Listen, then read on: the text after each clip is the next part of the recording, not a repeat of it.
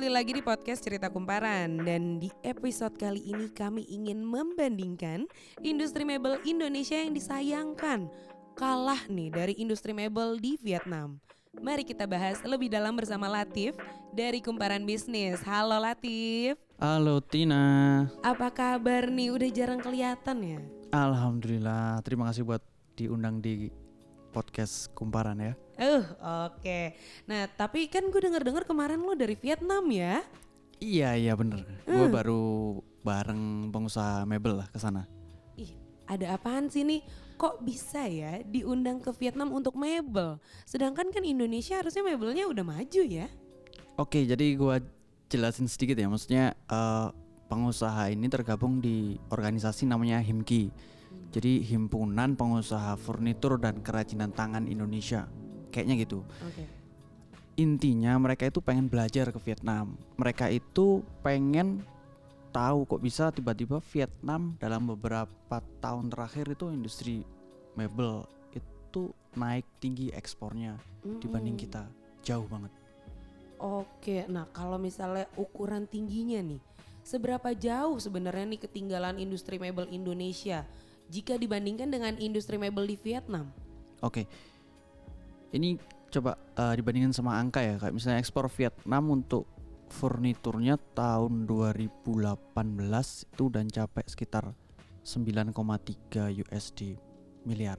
Oh, kalau dibandingin Indonesia kita kayak sekitar 1,2 USD miliar.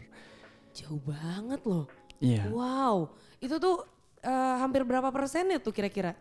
mungkin lebih dari 70% kali ya. Uh, wow, itu tendangan yang sangat dalam ya. Maksudnya Indonesia, men. Iya, iya, iya. Iya kan? Ada Jepara gitu loh yang terkenal banget sama mebelnya. Lalu ini nih salah satunya kenapa sih bisa ketinggalan jauh banget? Kan yang kayak tadi udah gue sebutin, ada Jepara, ada lain-lain dan kayu jati banyak coba. Oke. Kalau kita ngomongin industri mebel itu eh, sebenarnya kalau Vietnam itu kalau saya dapat dari para ceritanya para pengusaha ya, mereka itu Vietnam itu tiba-tiba naik signifikan ekspor untuk mebelnya itu produk mebel itu karena ada perang dagang antara Amerika sama Cina.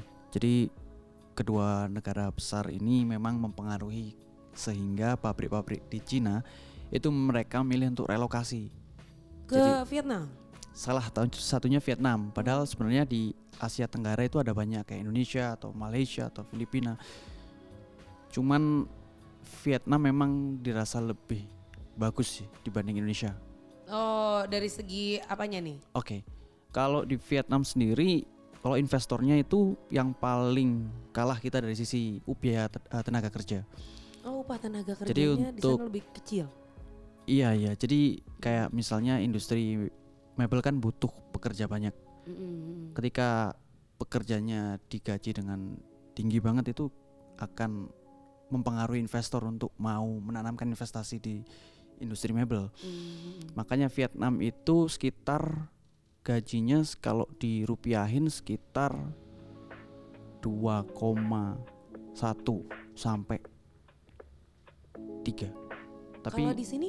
di sini kan setiap daerah punya regulasinya sendiri-sendiri. Heeh. Sebenarnya ada yang paling murah 1,6 di Jawa Tengah. Cuman banyak regulasi yang tumpang tindih sampai ada yang 1,6, ada yang sampai 3, ada yang sampai 4 juta, 2 juga di Jakarta kan yang paling baru kayak gitu.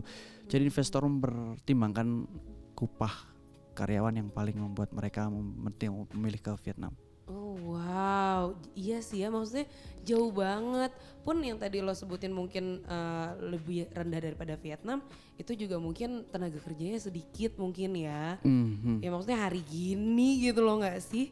Terus eh, eh tapi gue sempet denger-denger ya, katanya ada pengusaha juga mengeluhkan soal sistem verifikasi legalitas kayu atau SVLK nih. Kita ngomongin SVLK ini emang regulasi yang sudah lama diminta para pengusaha mebel untuk dihapuskan ya karena menurut mereka dengan adanya regulasi SVLK ini itu menghambat mereka untuk ekspor. Oh gitu, nggak sebenarnya gimana sih regulasinya nih Oke. sampai bisa menghambat gitu? Jadi secara sederhananya itu industri mebel itu dibagi tiga. Jadi industri hulu yang dari kayu sampai akhirnya diproduksi lagi jadi industri semi kayu atau apalah itu di tengah. Uh-uh. Nah, untuk mebel ini yang diproduk jadi. Jadi SVLK fungsinya sebenarnya pemerintah ingin memberikan jaminan bahwa kayu yang ditebang berasal dari sustain. Jadi kayu yang memang enggak ilegal gitu loh. Oh, seperti itu. Masalah ya, Heeh. oke.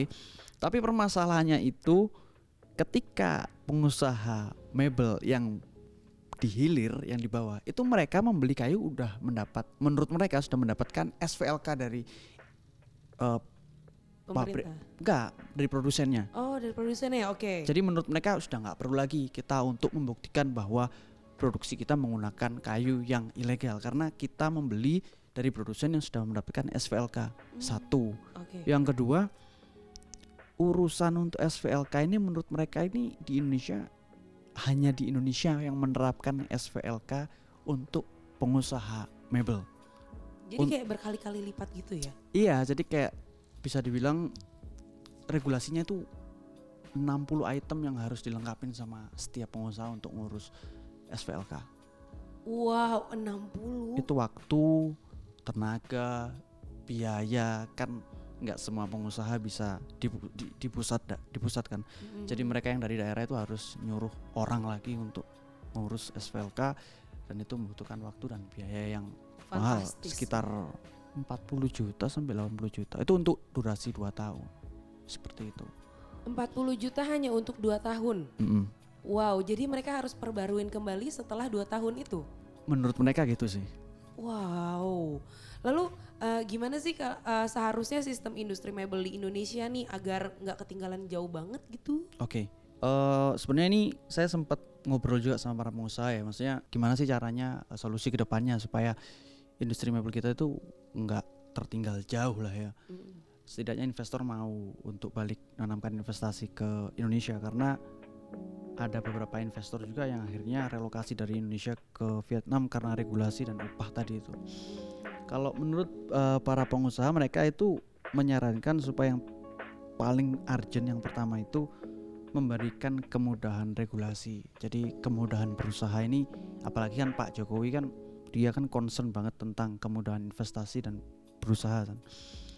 SVLK salah satunya minta dihapus. Terus selain itu mereka juga pengen insentif-insentif lain lah dari pemerintah untuk industri mebel sendiri. Mungkin dari upah ya tenaga kerja yang sekarang juga lagi dibahas kan. Jadi kayak salah satu persoalan bisnis sih investor di Indonesia itu upah tenaga kerja yang Cukup tinggi. cukup ya. tinggi dan produktivitasnya yang juga enggak kalau kita bandingin sama yang Vietnam ya kemarin kan sempat dipresentasiin sama orang dari kedubes Indonesia yang dari Konjen Mm-mm. Itu dalam presentasinya itu memaparkan kalau produktivitasnya Vietnam itu satu minggu mereka kerja 48 jam sementara di Indonesia sendiri 40 jam dengan perbedaan produktivitas dan biaya gaji upah yang signifikan ya menurut saya sih logis kalau ketika investor itu menanamkan milik ke Vietnam dibanding Indonesia.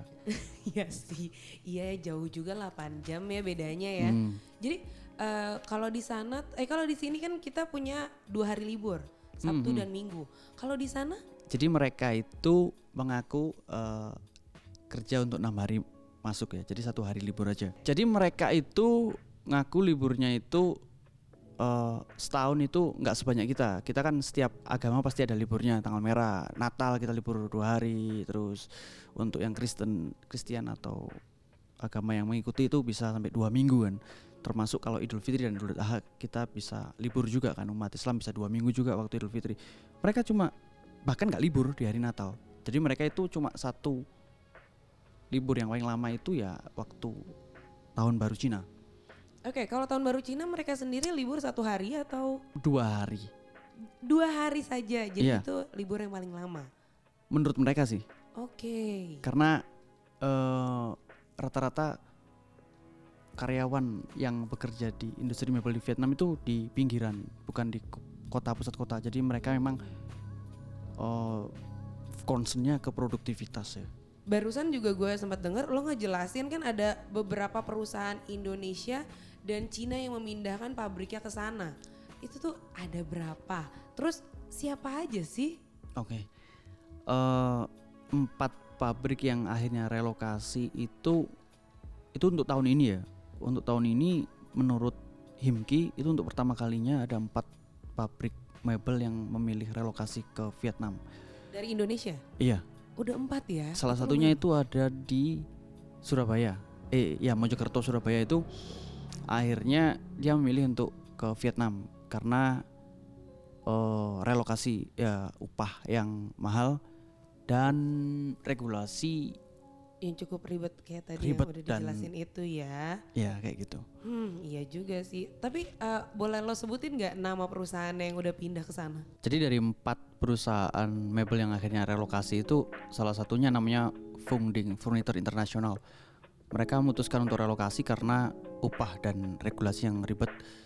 Akhirnya mereka sekarang memilih untuk memproduksi di Vietnam. Dan sekarang mereka memiliki tiga pabrik dan satu pabrik rencananya akan dibuat revolusi 4.0 menurut mereka jadi kayak langsung mesin semua yang yang mengerjakan Di sana tuh ya. iya Jadi di sana mereka udah banyak naro ya gimana investasi gitu Iya. jatuhnya lah ya. Nah kembali lagi nih ke tadi kan lo nyebutin kalau ke sana lo juga sempet ke pameran ya, pameran furniture terbesar di Vietnam. Namanya The Vietnam International Furniture Fair yang ada di Saigon Exhibition. Nah lo di sana lihat apaan aja sih? Dan bisa nggak lo gambarin yang menurut lo nih paling wow gitu?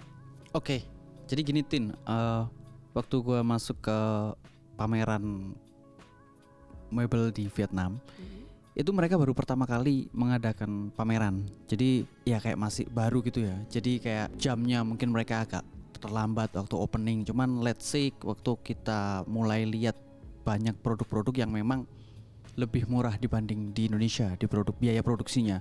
Cuman secara model ketika gue coba ngobrol sama pengusaha yang mereka sudah expert di mebel itu mereka Pengusaha di sana nih ya, pengusaha Vietnam. Enggak enggak. Pengusaha di Indonesia gua ngobrol soal bagaimana eh, konsep atau desain untuk pameran produk yang dipamerin itu menurut pengusaha Indonesia sih eh, itu masih bukan yang bagus banget. Cuman mereka menang di biaya yang murah banget.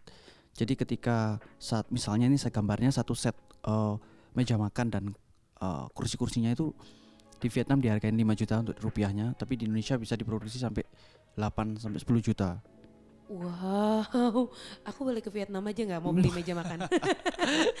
mungkin nih bisa ya bisa Ah, gitu Tapi tapi kalau dari segi model, lo ngelihat itu oke nggak sih kalau yang udah ada di pameran Indonesia gitu? kalau menurut pengusaha Indonesia ya mereka lebih memilih pameran yang diadain di Indonesia yang setiap tahunnya diadain di GCC kalau nggak salah Iya iya betul. di situ pamerannya modelnya juga lebih inovatif sih karena mengikuti tren jadi mulai eh, model simple dan cukup bagus untuk konsep-konsepnya di Indonesia jadi mereka Hmm. lebih ke biaya murah jadi di sana sebenarnya biaya murah cuma modelnya mungkin ya. Mm-mm. Kalau di sini kan sudah masuk ke kayak model-modelnya minimalis. Minimalis, gitu bener, ya. Oh gitu. Oke nggak jadi aku tetap beli di Indonesia kalau gitu. Akhir kata nih, semoga nanti yang harusnya terbuka mata dan pikirannya beneran terbuka ya pola pikirnya biar industri mebel di Indonesia bisa menyalip lagi nih industri mebel dari Vietnam. Masa negara kita yang paling banyak produksi kayunya kalah ya kan? Makasih pendengar cerita kumparan yang sudah mendengarkan kami. Saya Atletina dan saya Latif pamit undur diri oke kita pamit undur diri. Bye. bye